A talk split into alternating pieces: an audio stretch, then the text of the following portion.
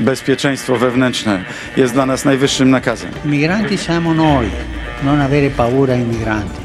Miliony ludzi nie muszą wyjeżdżać z Polski za chlebem. Na polski rynek pracy przybędzie kilkaset tysięcy A kto nowych pracowników. tutaj magnes, wielki magnes? We have sacred obligation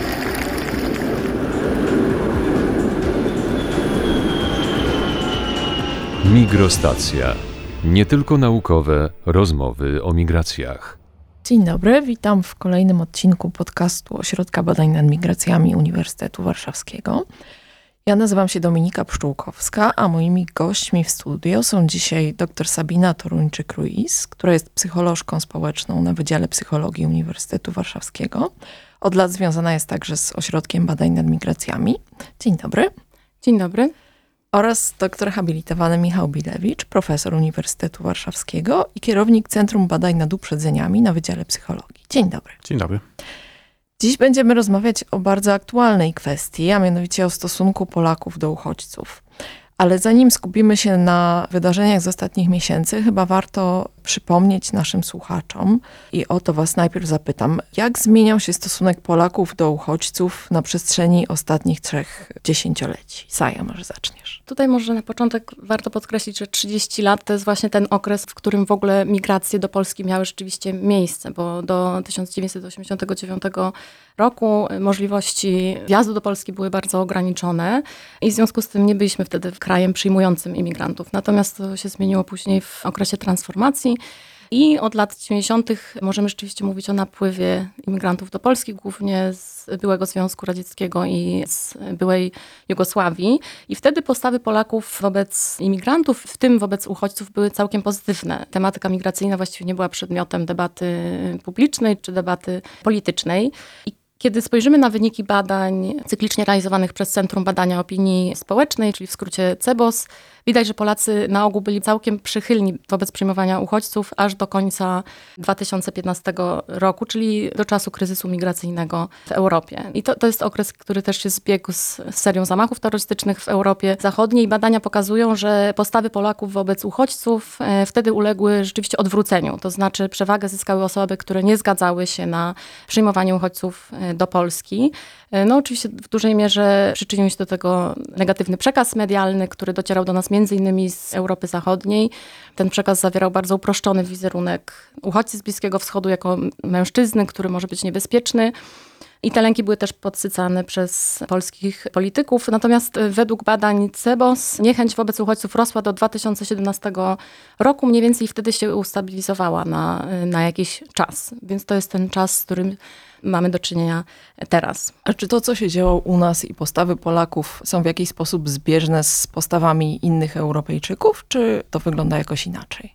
Michał. Niechęć Polaków do uchodźców była wtedy, kiedy rzeczywiście tych badań prowadzono dużo, czyli w okresie 2015-2017. W Polsce niechęć do, do uchodźców była jedną z najwyższych w Europie wtedy. We wcześniejszych badaniach to wygląda różnie. To taki największy projekt porównawczych badań prowadzony przez Andreasa Cika w ramach takiego projektu dotyczącego grupowej wrogości. Tam badano stosunek do różnych grup mniejszościowych i tam pytano również o stosunek do imigrantów. I te uprzedzenia antyimigranckie w Polsce wcale nie były najwyższe spośród badanych krajów. Na przykład w porównaniu do, nie wiem, antysemickich uprzedzeń czy, czy homofobii, która w Polsce i na Węgrzech była zdecydowanie wyższa niż w pozostałych państwach Unii Europejskiej.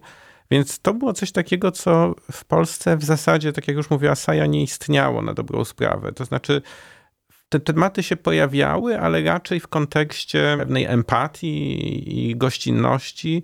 Pamiętam wystąpienia parlamentarzystów, tych samych zresztą, którzy później straszyli uchodźcami, nie wiem, Mariusza Kamińskiego, który nawoływał polityków do tego, żeby otworzyć się na, na Czeczenów, otworzyć się na uchodźców z Czeczeni. Odwoływał się do tych tradycji gościnności, a jednocześnie do wspólnoty losów Polaków i Czeczenów. I no, znowu mamy tutaj właśnie uchodźców, uchodźców wyznających islam.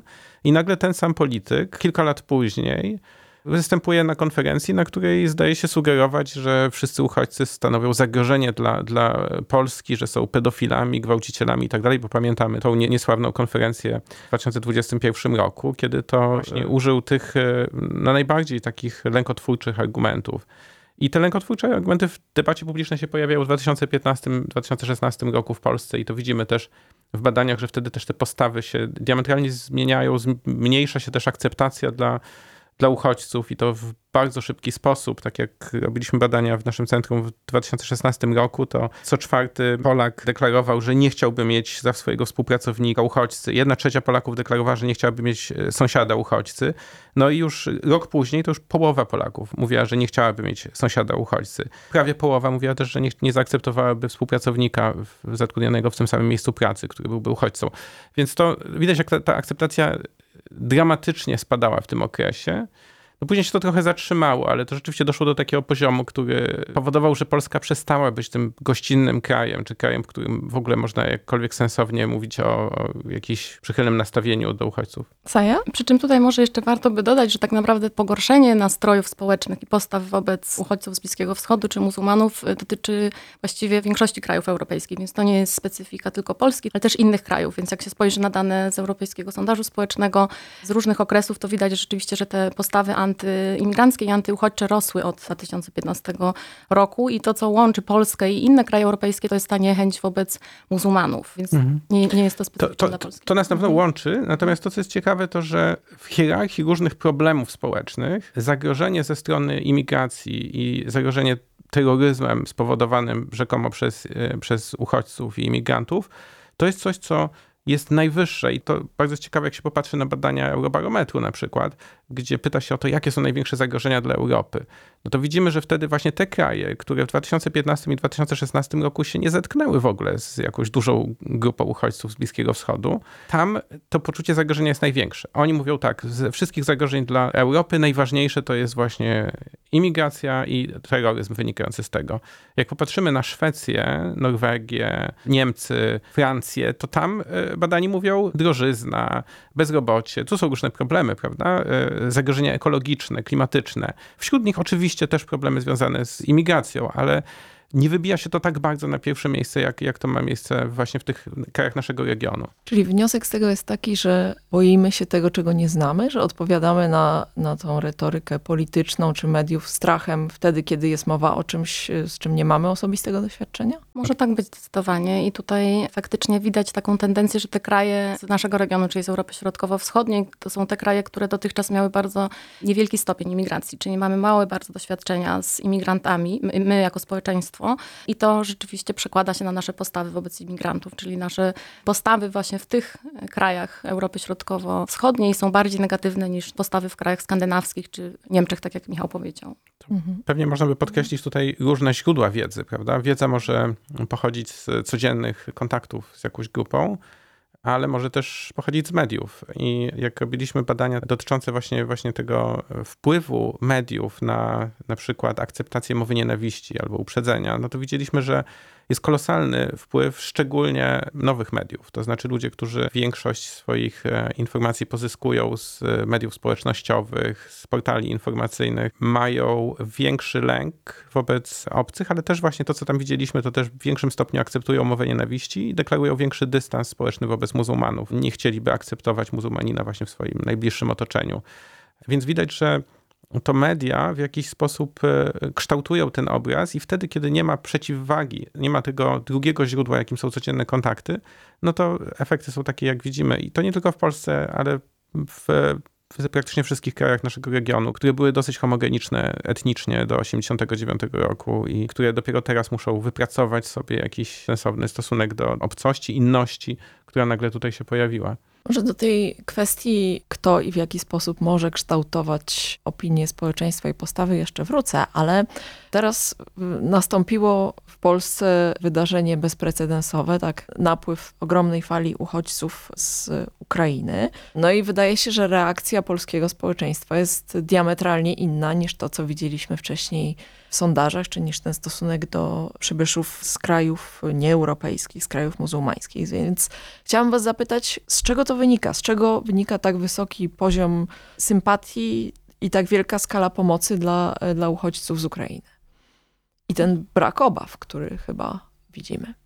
Tu myślę, że warto podkreślić, że stosunek Polaków do przyjmowania uchodźców z Ukrainy konkretnie był już wcześniej znacznie bardziej pozytywny niż wobec przyjmowania innych grup uchodźców. Czyli to jest tendencja, którą widzimy też na podstawie wcześniejszych danych. Na przykład dane CEBOS pokazują, że w okresie pomiędzy 2015 a 2018 rokiem, kiedy rósł sprzeciw wobec przyjmowania uchodźców z Bliskiego Wschodu i Afryki, stosunek do przyjmowania uchodźców z Ukrainy był raczej przychylny i był właściwie stabilny. I zarówno badania CEBOS, jak i badania z naszego zespołu, czyli Centrum Badań nad Uprzedzeniami, pokazują, że postawy wobec Ukraińców były w ostatnich latach coraz bardziej pozytywne. Więc to nie jest aż tak wielkie zaskoczenie, kiedy weźmiemy to pod uwagę. Natomiast kilka ważnych czynników składa się na tak wielką skalę pomocy, z jaką mieliśmy do czynienia e, po inwazji Rosji na Ukrainę w lutym. I powiedziałabym, że to są ogólne prawidłowości, które mają znaczenie nie tylko w polskim społeczeństwie. E, Po pierwsze, bliskość geograficzna i kulturowa, czyli to, że wojna dzieje się bezpośrednio za naszą granicą, a Ukraina jest krajem kulturowo bardzo podobnym do naszego. W naszym y, zespole przeprowadziliśmy badanie na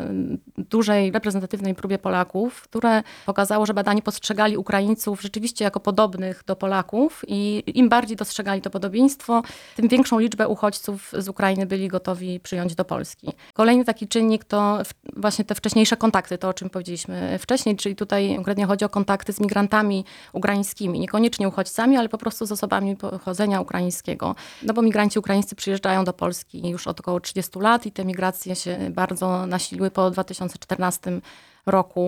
Według szacunków zarówno Głównego Urzędu Statystycznego, jak i Ośrodka Badań nad Migracjami w Polsce przed wojną przebywało już ponad milion obywateli Ukrainy i znaczna część Polaków miała wcześniej bezpośredni kontakt z osobą pochodzenia ukraińskiego i te kontakty były całkiem pozytywne. I w naszym badaniu też widać, jak bardzo duże znaczenie właśnie ma posiadanie wcześniejszych kontaktów z Ukraińcami, jeśli chodzi o kształtowanie tych postaw Polaków i zachowań. Mianowicie osoby, które przed wybuchem wojny w Ukrainie znały osobiście kogoś pochodzącego z Ukrainy, częściej udzielały pomocy uchodźcom z Ukrainy niż osoby, które nie znały nikogo takiego. Więc to pokazuje, jak bardzo ważne rzeczywiście są te kontakty z, z członkami grupy obcej. No kolejny czynnik to jest wspólnota losu z Ukraińcami, czyli to, że Rosja tradycyjnie dla, dla swoich sąsiadów stanowiła zagrożenie, więc pod tym względem dzielimy z Ukrainą wspólny los. No i w wypadku tej wojny uruchomiło się takie myślenie, że nasz kraj mógłby być w tej samej sytuacji co Ukraina i, i taka obawa, że my możemy być następni. I tutaj warto przytoczyć badania z kolei realizowane przez zespół Małgorzaty Kosowskiej z Uniwersytetu Jagiellońskiego, które pokazują, że obawa przed potencjalną inwazją Rosji na Polskę rzeczywiście była jednym z czynników, który zwiększał szanse udzielenia pomocy uchodźcom z Ukrainy. No, tych czynników jest jeszcze kilka. Tutaj warto, warto może wspomnieć też obecność norm, które dotyczą pomagania w danej społeczności. Tutaj znowu te badania z zespołu UJ pokazały, że, że to, że ktoś w kręgu moich znajomych pomaga Ukraińcom, ma wpływ na to, że ja też chcę pomagać Ukraińcom. No inny taki czynnik, o którym nie mamy chyba danych takich konkretnych, empirycznych, ale, ale tak podejrzewam, że może mieć duże znaczenie, to jest dominacja kobiet i dzieci w tej grupie uchodźców z Ukrainy, z którą mamy do czynienia teraz, bo kobiety i dzieci jak wiemy, nie wywołują poczucia zagrożenia, a wręcz wzbudzają współczucie i, i, chęć pomocy, więc wszystkie te procesy właściwie mają o tyle znaczenie, że wpływają na nasze utożsamianie się z uchodźcami z Ukrainy i wpływają na poczucie zagrożenia, czyli odczuwamy niewielkie poczucie zagrożenia ze strony uchodźców z Ukrainy i to wyzwala w nas empatię i, i chęć pomocy. Mhm. No te wszystkie y, czynniki, które wymieniłaś, wydają się w miarę stałe od lutego do dziś, ale czy nasz stosunek do pomagania i do przyjmowania uchodźców z Ukrainy jakoś się zmienia? Bo to też badacie. Michał.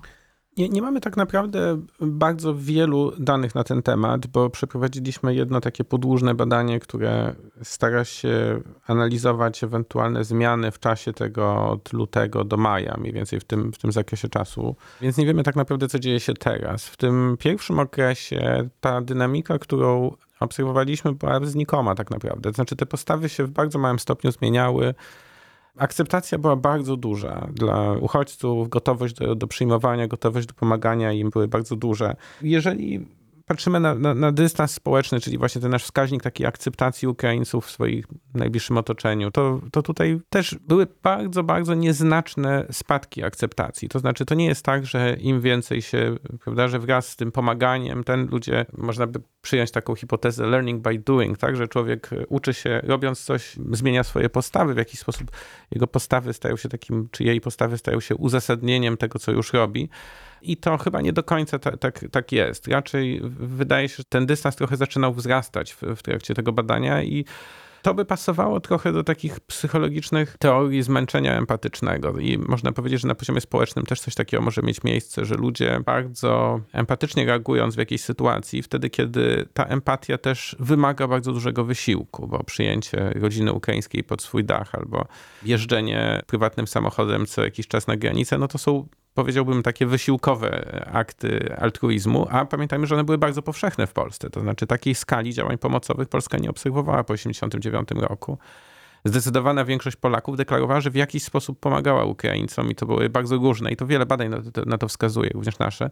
To były bardzo różne sposoby pomagania, ale wiele z nich było takich bardzo wysiłkowych. No jeżeli gdzieś tam 6 czy 7% Polaków deklarowało, że przyjęło Ukraińców pod swój dach, no to to jest ogromna liczba, prawda? Znaczy to jest ponad milion osób, które na coś takiego się zdecydowały. No i to jest oczywiście męczące, tak? To znaczy to nie jest tylko, jak mówimy o tej fatydze czy zmęczeniu empatycznym, że to jest jakiś proces emocjonalny, który może się wyczerpywać, to też samo pomaganie jako takie już samo zjawisko behawioralne, ono też ulega wyczerpaniu, tak? Czy ludzie po prostu w którymś momencie są już tym zmęczeni. No i pytanie, co może to podtrzymać, jakie czynniki mogą to podtrzymać i to jest myślę temat warty dalszego badania, to znaczy jak, jak podtrzymać gotowość pomagania. No, jednym z takich czynników na pewno jest to, o czym już Sara mówiła, czyli kontakt. Kontaktu było dużo, w 2017 roku, gdy właśnie pytaliśmy na przykład badanych o to, czy mieli kontakt z uchodźcami, no to ponad 90% mówiło nie, nigdy nie poznałem żadnego uchodźcy. Więc jak pytaliśmy o to, czy mieli bezpośredni kontakt z Ukraińcami, to wtedy ponad połowa Polaków mówiła tak, mieliśmy jakieś formy kontaktu. Czyli to już wtedy, już, już w 2017 roku, można było powiedzieć, po, ponad połowa Polaków znała jakichś Ukraińców osobiście. No, to już jest jakaś podstawa, która oczywiście zadecydowała o tym, jak Polacy zachowali się w 2022 roku.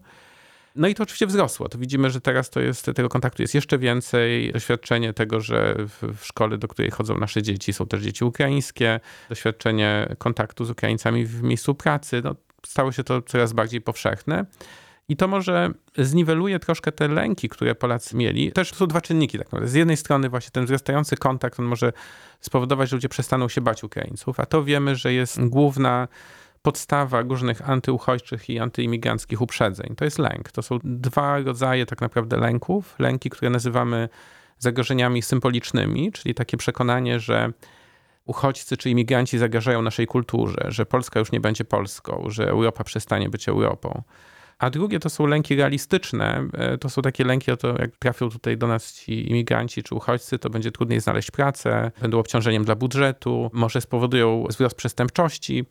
I to, co widzimy w wypadku Ukraińców, to badania, które powiedziała Paulina Górska na ten temat, pokazują, że tam dominuje właśnie te lęki realistyczne. Znaczy ludzie boją się, że po prostu to będzie obciążenie dla usług publicznych, że będzie trudniej znaleźć pracę. Natomiast te lęki symboliczne zupełnie nie. To znaczy Polacy nie uważają, żeby duża grupa uchodźców ukraińskich w Polsce zagroziła jakoś tożsamości Polaków. I to jest zasadniczo odmienne od stosunku Polaków na przykład do uchodźców, którzy trafiają do nas przez granicę białoruską. Tutaj Paulina Górska też badała stosunek do tych uchodźców, no i tutaj widzimy, że te zagrożenia symboliczne są znacznie większe. Takie poczucie, że jak ich tutaj otworzymy dla nich granice, to Polska przestanie być Polską, tak? Będziemy mieli kalifat tutaj. No to jest, to jest niestety ta retoryka, którą politycy sprzedali ludziom i które, którą media też często epatowały opinię publiczną i to oczywiście ma swoje efekty, które widzimy w badaniach. No i to jest ten bardzo niebezpieczny lęk, ponieważ ten lęk powoduje, że ludzie gotowi są poprzeć różnego rodzaju przemocowe zachowania i nadużycia władzy, łamania praw człowieka, wszystko to, co ma miejsce na naszej wschodniej granicy. No właśnie, to jest ciekawe pytanie, bo ta retoryka polityczna, medialna w stosunku do osób przybywających y, z Ukrainy jest prawie jednoznacznie pozytywna. Czy gdyby to się zmieniło, to postawy Polaków też by się zmieniły? No zdecydowanie tak. Teraz rzeczywiście ta retoryka jest bardzo pozytywna i to jest bardzo dobra informacja, bo rzeczywiście słyszymy w ustach polityków y, będących u, u, władzy teraz opinie bardzo przychylne na temat obecności Ukraińców y, w Polsce, w tym na temat uchodźców konkretnie. Natomiast trudno powiedzieć, czy to się zmieni, czy nie. Mam wrażenie, że mała szansa jest, żeby to się zmieniło. Natomiast jeżeli, jeżeli by to uległo zmianie, no to wtedy rzeczywiście może to uruchomić negatywne postawy wobec uchodźców z Ukrainy w polskim społeczeństwie, bo jak wiemy, te opinie polityków, szczególnie tych będących u władzy obecnie, mają bardzo duży wpływ na opinię społeczeństwa generalnie. Przy czym nadal można powiedzieć, że politycy głównego nurtu zachowują się jednak w miarę odpowiedzialnie. To znaczy, dopiero wczoraj tak naprawdę pojawił się pierwszy taki sygnał ze strony jednej z polityczek partii Solidarna Polska, która jest partią należącą do koalicji rządzącej, która właśnie sugerowała, że Ukraińcy są obciążeniem dla budżetu i że powinniśmy tak naprawdę zastanowić się nad tą polityką otwartych drzwi. I to jest pierwszy raz, kiedy widziałem polityków jakby z głównego nurtu, czyli nie wiem, no z tych największych formacji politycznych w Polsce, który by wykorzystywał tą, tą antyuchodźczą retorykę. No bo dotąd tak naprawdę to, to wyłącznie politycy Konfederacji, która jest jednak partią opozycyjną i, i o małym wpływie na władzę w Polsce. Tylko tam tak naprawdę eksploatowano ten temat. Ten efekt mediów jest bardzo ważny moim zdaniem i to zarówno te badania, które prowadziliśmy z Wiktorem Soralem i Jamesem Liu dotyczące właśnie tych islamofobicznych, antymuzułmańskich uprzedzeń, z którymi mieliśmy do czynienia 6-7 lat temu i które do dzisiaj trwają. Te badania pokazywały fundamentalną rolę mediów, a szczególnie mediów społecznościowych i mediów cyfrowych. Teraz takich badań jest coraz więcej. Niedawno Dominik Stecua z Uniwersytetu Stanowego Colorado robił takie badania w Stanach Zjednoczonych, które pokazały, że konsumpcja mediów społecznościowych faktycznie przekłada się na przykład na większą wiarę w teorie spiskowe różnego typu, na przykład teorie spiskowe dotyczące koronawirusa, źródeł COVID-u, ale też różnego, różnego rodzaju teorie spiskowe. I to szczególnie, on pokazuje, że to szczególnie dzieje się u ludzi takich no, mających problemy z myśleniem analitycznym, to znaczy ludzi troszkę mniej złożonych poznawczo, delikatnie rzecz ujmując.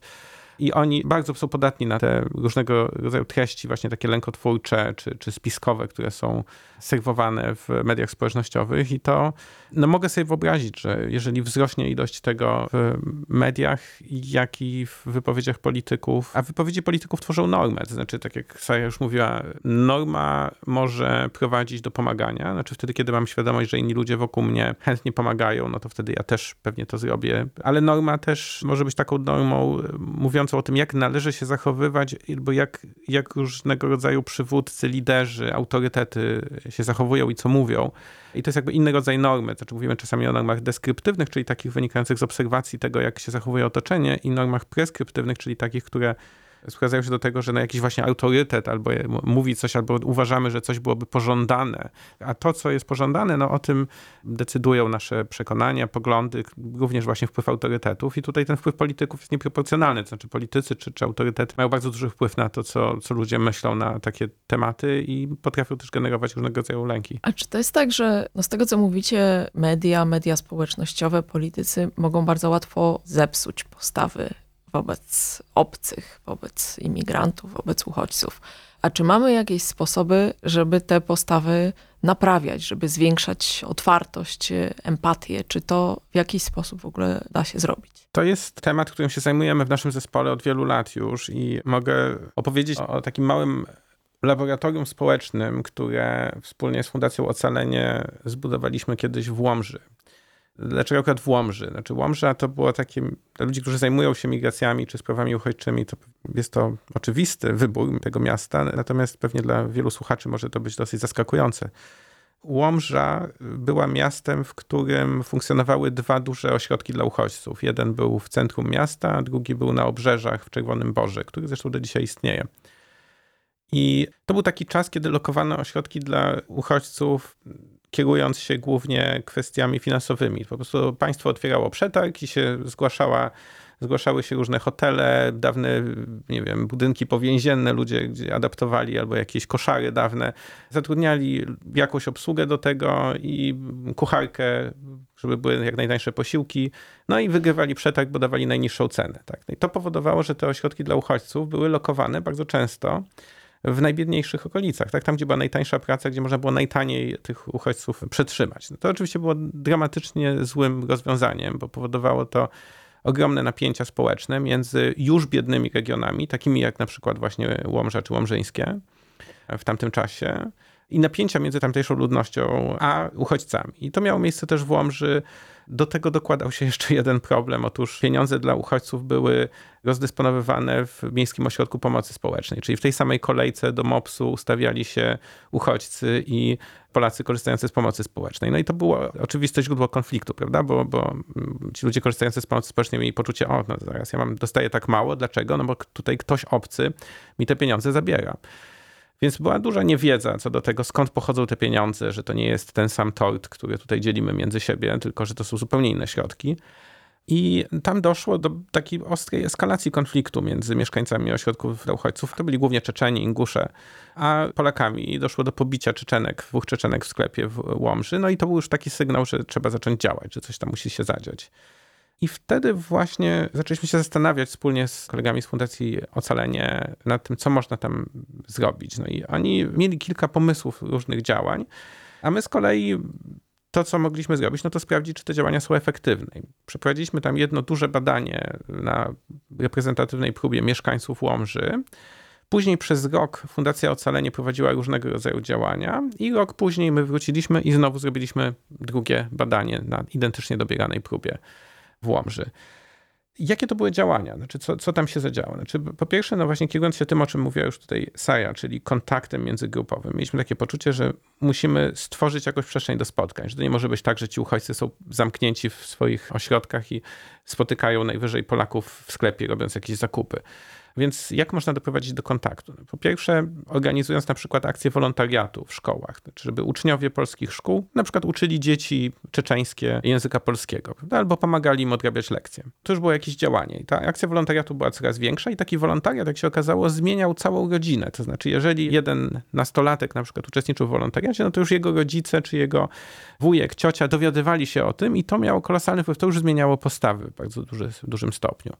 Były jakieś, nie wiem, no, lekcje gotowania czeczeńskiej kuchni, tak? Potem powstała grupa MMA, która tam ćwiczyła. Nie było w ogóle wcześniej takich, takich możliwości Łomży, taką możliwość stworzono. No i potem w ramach tej treningów grupy MMA jeden z bardzo znanych wówczas sportowców z tej dyscypliny przyjechał do Łomży i był to sportowiec, który reprezentował Polskę, a jednocześnie był Czeczenem.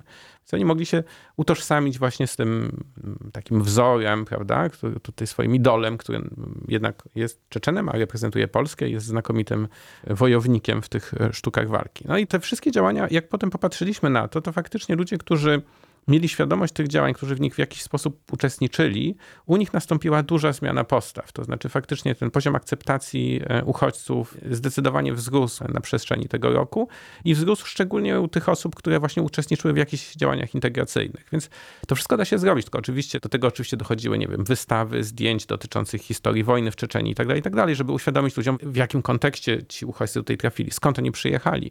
Bo taki bardzo rozpowszechniony przesąd na ten temat był taki, znaczy uprzedzenie tak naprawdę na ten temat dotyczyło tego, że Czeczeni przyjechali tutaj tak naprawdę zabierać nam miejsca pracy i nadużywać naszej opieki społecznej, a że, że to jest ekonomiczna migracja, a nie, nie, nie uchodźstwo. No więc trzeba było pokazać, skąd oni przyjeżdżają, dlaczego tutaj trafili. Tego typu działania możliwe, że trzeba będzie prowadzić również w kontekście uchodźców z Ukrainy, wtedy, kiedy zaczną pojawiać się politycy jacyś rozgrywający uprzedzenia antyukraińskie. Na razie chyba jeszcze takiej potrzeby nie ma i analizując nawet ten język mediów społecznościowych, internetu, to widać, że na przykład główne wątki, w naszych analizach główne wątki antyukraińskiej mowy nienawiści dotyczyły zawsze Wołynia, kwestii historycznych, przypisywania Ukraińcom odpowiedzialności za zbrodnie dokonane na Polakach i współczesnym Ukraińcom, tak? I teraz widzimy, że te tematy w zasadzie dzisiaj praktycznie nie istnieją. One są zupełnie na obrzeżach debaty publicznej, w mediach jest ich naprawdę niedużo. W porównaniu do tego, co mieliśmy na przykład, nie wiem, 3-4 lata temu, tak?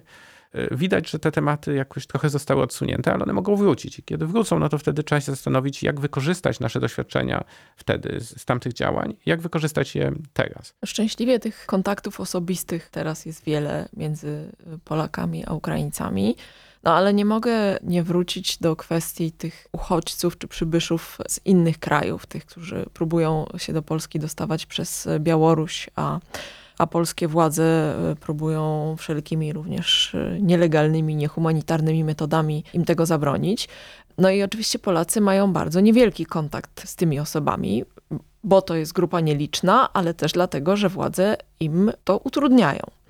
Więc moje pytanie jest następujące. Czy to, co się wydarzyło, jeśli chodzi o przyjmowanie uchodźców z Ukrainy, w jakikolwiek sposób wpływa na myślenie Polaków o tych drugich uchodźcach? Tak? Czy ten dysonans, który jest między ukraińskim dzieckiem, któremu pomagamy, oferujemy edukację 500 plus i tak dalej, i tym powiedzmy afgańskim dzieckiem, które spędza ileś tygodni w lesie przepychane z Polski na Białoruś, czy w odczuciu społecznym to jest dysonans I czy to może jakoś wpłynąć na postawy y, wobec uchodźców z krajów nieeuropejskich? Saja. No my sami akurat nie mamy danych na ten temat, natomiast możemy się odwołać do badań na przykład CEBOS czy innych agencji badawczych, które pytały Polaków o, o zdanie na temat przyznawania azylu osobom Bliskiego Wschodu i Afryki, które znalazły się na, na granicy e, polsko-białoruskiej. I no jeszcze w zeszłym roku, jak takie badanie było prowadzone, to Polacy byli za uszczelnieniem granicy z Białorusią i za budową muru na granicy. Potem chyba już niewiele było takich badań, więc ciężko też porównać zmiany ewentualne w czasie. Natomiast ja podejrzewam, że niewiele się zmieniło w tej sprawie i na przykład w maju tego roku Ipsos zapytał Polaków, czy migranci i uchodźcy próbujący przedostać się do Polski przez granicę z Białorusią zasługują na taką samą pomoc jak uchodźcy z Ukrainy i 60% badanych odpowiedziało negatywnie, czyli że nie zasługują na taką samą pomoc. To, to, to wydaje się rzeczywiście, że to jest bardzo duża grupa, która twierdzi, że te, te, te dwie grupy uchodźców nie zasługują na takie same prawa, ale z drugiej strony można też spojrzeć na to tak, że co trzeci badany uważał, że tym osobom należy się taka sama pomoc. Tutaj znowu nie mamy porównania do danych wcześniejszych, no bo wcześniej z kolei nie było, jak był kryzys na granicy polsko-białoruskiej, to nie było jeszcze wojny na Ukrainie, więc nie możemy porównać tych danych w czasie. Więc to, to byłyby takie dane, które wskazują w każdym razie na to, że rzeczywiście jest ta różnica cały czas, tak? Czyli Polacy rzeczywiście mają odmienne postawy wobec uchodźców z Ukrainy i wobec uchodźców z Bliskiego Wschodu i konkretnie wobec tych migrantów, którzy znaleźli się na granicy polsko-białoruskiej. I to zresztą dotyczy znowu nie tylko Polski, ale też innych krajów europejskich. Tak? Czyli cały czas mamy do czynienia z takim dużym bardzo kontrastem, jeśli chodzi o postawy wobec tych dwóch grup. Czyli no widzimy, że to, jakie są te postawy mieszkańców wobec uchodźców, w bardzo dużej mierze zależy od tego, o jakiej grupie uchodźców mówimy. I, I, niedawno było prowadzone takie duże badanie w ośmiu krajach europejskich, głównie z Europy Środkowej i Wschodniej, ale te, no między innymi w Niemczech, więc to powiedzmy taki kraj na, na granicy Europy Środkowej i Europy Zachodniej, ale we wszystkich tych krajach widać było diametralną różnicę w postawach wobec uchodźców z Ukrainy i wobec uchodźców z Syrii. Konkretnie tam akurat pytano o te dwie grupy. Więc ta różnica cały czas jest. Natomiast y, widziałam też ostatnio takie dane z 28 krajów, badanie prowadzone przez Ipsos, które sugerują, że wojna na Ukrainie y, zwiększyła otwartość społeczeństw na, na ludzi uciekających przed wojną, tak ogólnie. Nie widziałam tam porównań pomiędzy krajami, więc trudno powiedzieć, na ile ta prawidłowość dotyczy też Polski. Natomiast jest taka nadzieja, że może to, co się teraz dzieje na Ukrainie i, i konkretnie w Polsce, w związku z tą wojną na Ukrainie, może zwiększy y, otwartość też Polaków na, na uchodźców y, z Bliskiego Wschodu. Natomiast no tutaj trzeba pamiętać cały czas, że to są właśnie dwie różne grupy i jedna jest nam bardzo bliska kulturowo i geograficznie, druga jest odległa, jest niestety związana z tym negatywnym dyskursem y, medialnym cały cały czas i tutaj jest pewnie mała szansa na jakąś większą poprawę w tym zakresie. Właśnie, to jest ciekawe pytanie, czy to jest odzwierciedlenie dyskursu politycznego, czy podziały opinii wśród Polaków zależą od tego, jaką partię kto popiera i jakich mediów słucha, czy od czegoś innego, czy od cech demograficznych, czy jeszcze od czegoś? No właśnie to jest ciekawe, bo jeśli chodzi o e, postawy, ale też działania pomocowe wobec uchodźców z Ukrainy, to akurat tutaj okazuje się, że niewielkie znaczenie mają preferencje polityczne. Patrzyłam na dane z badań CEBOS-u, ale też agencji Kantar i zresztą to wychodzi też w naszych badaniach i chyba i też w zespole e, właśnie Małgorzaty Kosowskiej. W każdym razie widać, że preferencje polityczne nie wpływają tak silnie na postawy i chęć udzielenia pomocy uchodźcom z Ukrainy. Czyli jeśli chodzi o tę grupę uchodźców, postawy są mało kształtowane politycznie, znacznie mniej niż ma to miejsce w przypadku uchodźców z Bliskiego Wschodu i Afryki. I jak właśnie też spojrzymy na to, wyborcy których partii y, udzielali większej czy mniejszej pomocy uchodźcom z Ukrainy teraz w ostatnich miesiącach, to są bardzo też niewielkie różnice. Tak? Może troszkę bardziej y, tej pomocy udzielali wyborcy Polski 2050, Lewicy czy Koalicji Obywatelskiej, ale cały czas ten odsetek y, osób pomagających uchodźcom z Ukrainy we wszystkich elektoratach jest bardzo wysoki. Tak? Czyli ponad, ponad 3 czwarte zwolenników PiS też zadeklarowało udzielenie pomocy pomocy uchodźcom z Ukrainy. Czyli właściwie widać, że to jest temat mało polityczny. I w związku z tym mają tutaj znaczenie inne czynniki niż preferencje polityczne, jeśli chodzi o kształtowanie tych zachowań. Bardziej są to czynniki psychologiczne i właśnie obecność norm prawdopodobnie niż preferencje polityczne.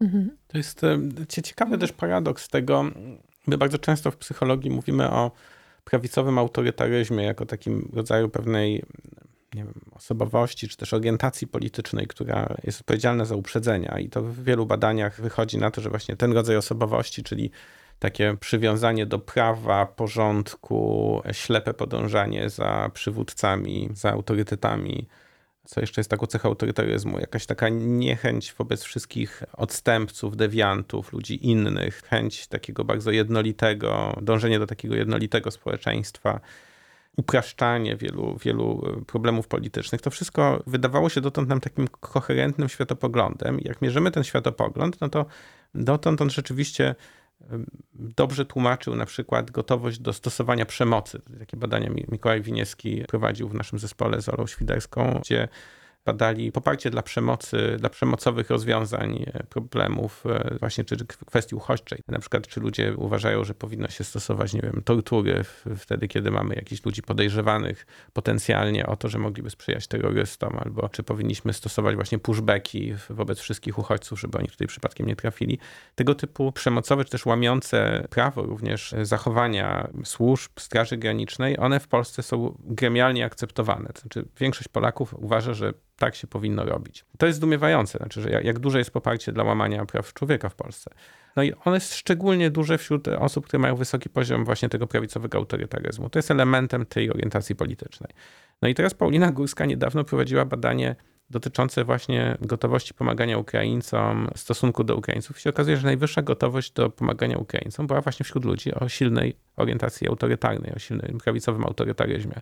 Znaczy, że prawicowy autorytaryzm był pozytywnie skorelowany z gotowością do, do pomagania Ukraińcom. I to pokazuje, jak bardzo ten stosunek do Ukraińców, on gdzieś wymyka się podziałom politycznym, do których jesteśmy przyzwyczajeni w Polsce. Tutaj może jeszcze w nawiązaniu do tego powiem właśnie o innym ciekawym wyniku, który widzieliśmy w naszych badaniach, tych, o których wcześniej już mówiliśmy, mianowicie religijność okazała się też być pozytywnie związana z udzielaniem pomocy uchodźcom z Ukrainy, czyli osoby bardziej religijne częściej deklarowały udzielenie takiej pomocy, mimo że jednocześnie osoby bardziej religijne w naszych badaniach wychodzi, że są bardziej średnio negatywnie nastawione ogólnie do osób pochodzenia ukraińskiego. Czyli widać taki paradoks, tak? Czyli ta sama cecha działa inaczej, jeśli chodzi o te dwie kwestie, tak? Czyli z jednej strony mamy postawy, które są negatywnie kształtowane przez religijność, a z drugiej strony te działania pomocowe są pozytywnie kształtowane przez, przez religijność. Więc właśnie, no, tak jak Michał powiedział, jest to odmienne zjawisko niż to, z którym mieliśmy do czynienia wcześniej, też przy innych e, kryzysach migracyjnych. To faktycznie bardzo Mhm. ciekawe i chyba trochę pokazuje też, że, że kiedy mówimy o czymś takim abstrakcyjnym właśnie, związanym z nie wiem, postrzeganiem innego narodu, to jest jedna kwestia, a kiedy stoi u naszych drzwi człowiek, który potrzebuje pomocy, no to jest zupełnie co innego. No i oczywiście pytanie, jaki ma kolor skóry ten człowiek, który potrzebuje pomocy. Znaczy, to jest niestety kwalifikowane bardzo przez właśnie to, czy to jest człowiek bliski nam kulturowo, czy odległy nam kulturowo i to widzimy, że ta odrębność kulturowa, ona często jest traktowana w ogóle jako odrębność gatunkowa w Polsce nawet. Znaczy w 2017 roku zastosowaliśmy taką skalę, którą ja czasami mam jakiś opór przed używaniem tej skali. Ona jest bardzo powszechnie używana w amerykańskich badaniach ostatnio, stworzona przez Nurag Taylor, taka skala, skala dehumanizacji, ale on traktuje tą dehumanizację bardzo literalnie. On mówi dehumanizuje, to znaczy traktuje innego człowieka jako nie człowieka, jako w mniejszym stopniu człowieka niż ja. I on pokazuje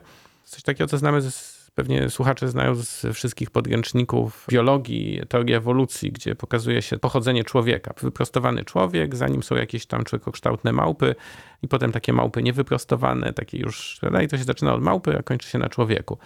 No i teraz Nook Taylor w Ameryce w swoich badaniach często pytał się badanych, no to powiedzcie tam, taki typowy Meksykanin, to gdzie on jest, jak on wygląda? No to badani tam w większości mówili, no on jest takim wyprostowanym człowiekiem, no ale kilkanaście procent badanych mówiło, nie, nie, on jest taki raczej troszeczkę niżej niż ten wyprostowany człowiek w tej skali rozwoju.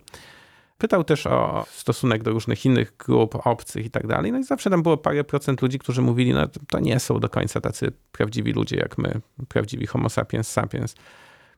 No i jak e, zrobiliśmy tą skalę też w 2017 roku na reprezentatywnej próbie w polskim sondażu uprzedzeń, pokazaliśmy Polakom i zapytaliśmy się, jak to jest z uchodźcami.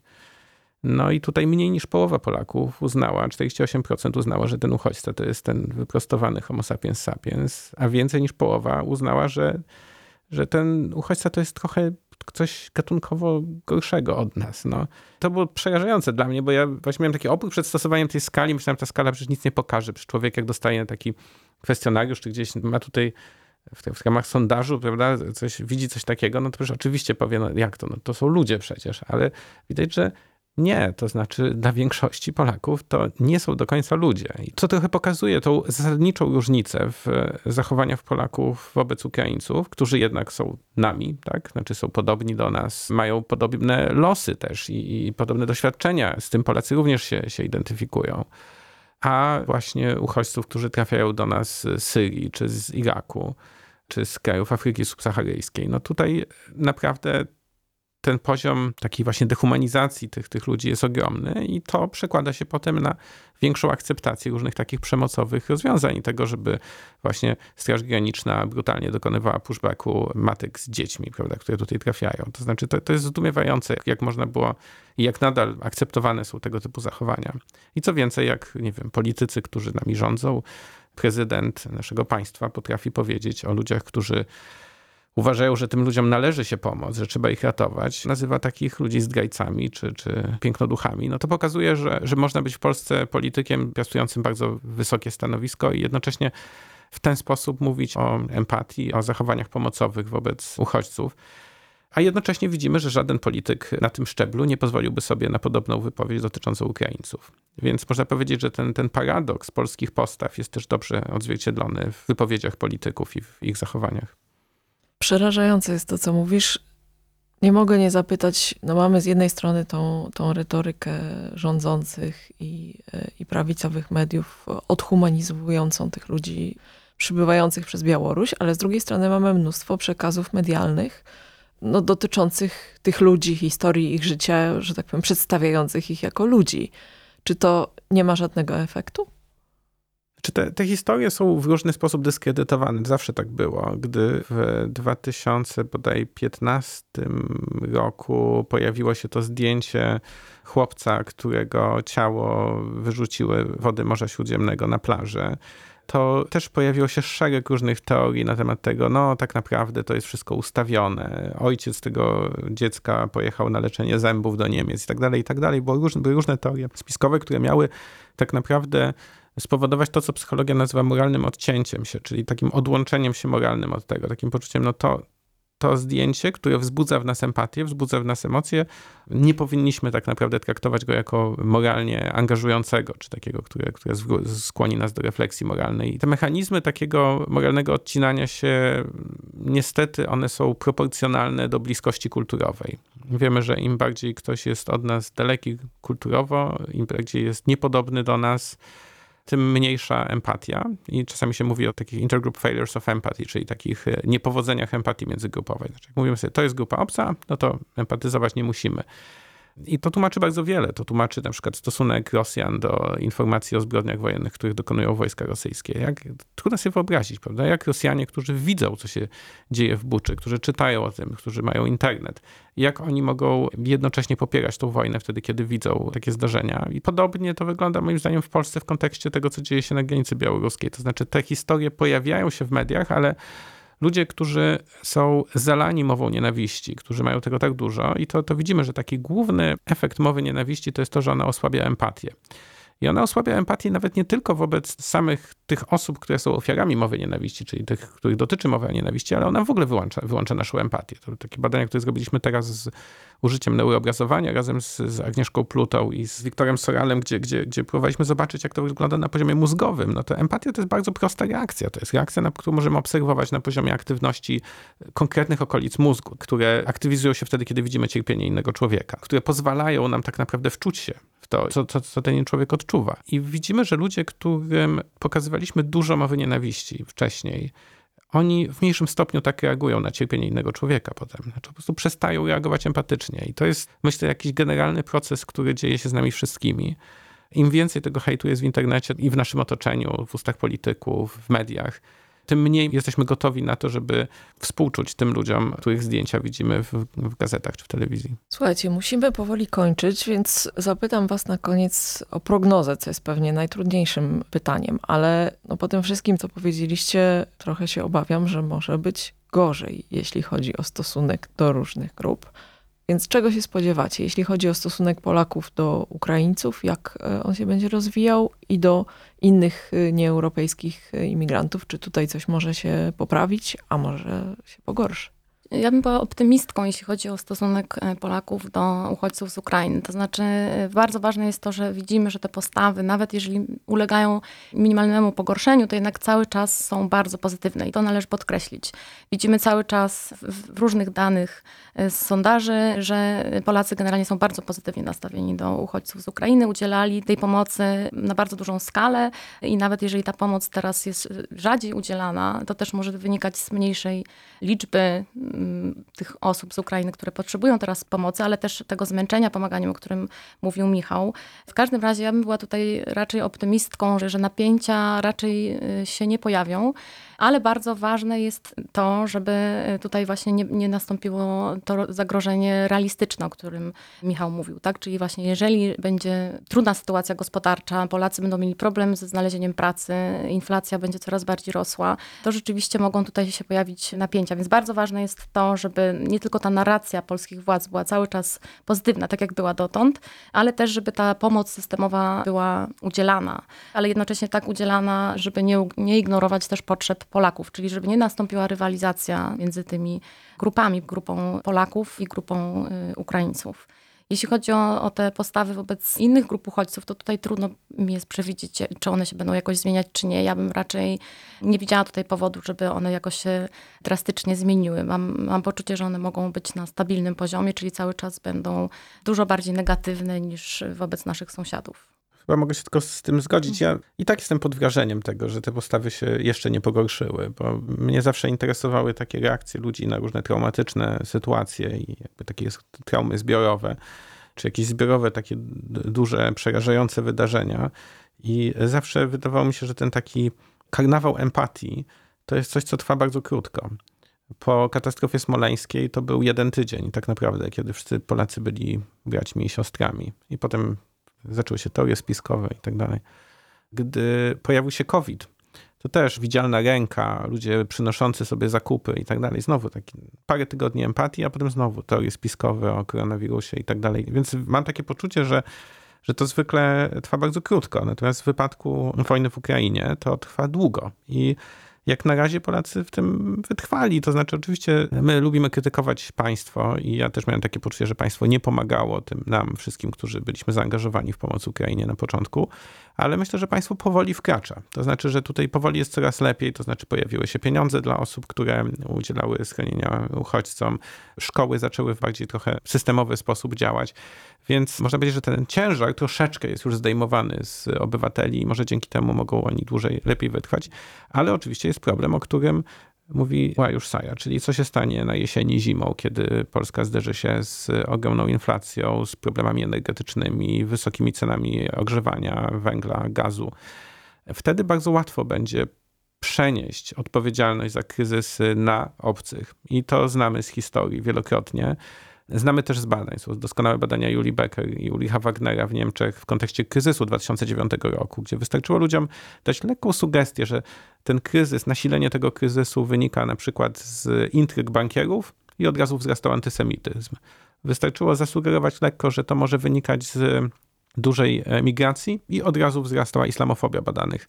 Mówimy o Niemcach, tak? o kraju, w którym już naprawdę wyrażenie uprzedzeń jest absolutnym tabu. Ale ci ludzie byli gotowi wyrazić uprzedzenia, ponieważ uważali, że no tak, ci ludzie prawdopodobnie odpowiadają. Wystarczy suflować ludziom, kto jest odpowiedzialny za kryzys i uprzedzenia wzrastają. I to to może się zdarzyć na jesieni, więc wiele zależy od tego, jak się rozwinie też sytuacja gospodarcza w Polsce, jak będzie wyglądała sytuacja nie wiem, z cenami paliw, z cenami żywności. No to, są, to są takie rzeczy, których Polacy bezpośrednio będą doświadczać. I to, czy uczynią odpowiedzialnymi za to imigrantów, uchodźców, no to też zależy trochę od tego, jak na ile media czy politycy będą odpowiedzialnie się zachowywać w tym czasie. Dziękuję Wam bardzo za tą rozmowę. Myślę, że temat jest dynamiczny, więc być może się jeszcze tutaj spotkamy w studio, a tymczasem Państwa zapraszam do słuchania kolejnych odcinków Migrostacji. Dziękuję bardzo. Dziękuję. Dziękuję. To był podcast Migrostacja, przygotowany przez Zespół Ośrodka Badań nad Migracjami Uniwersytetu Warszawskiego we współpracy z Sounds and Stories.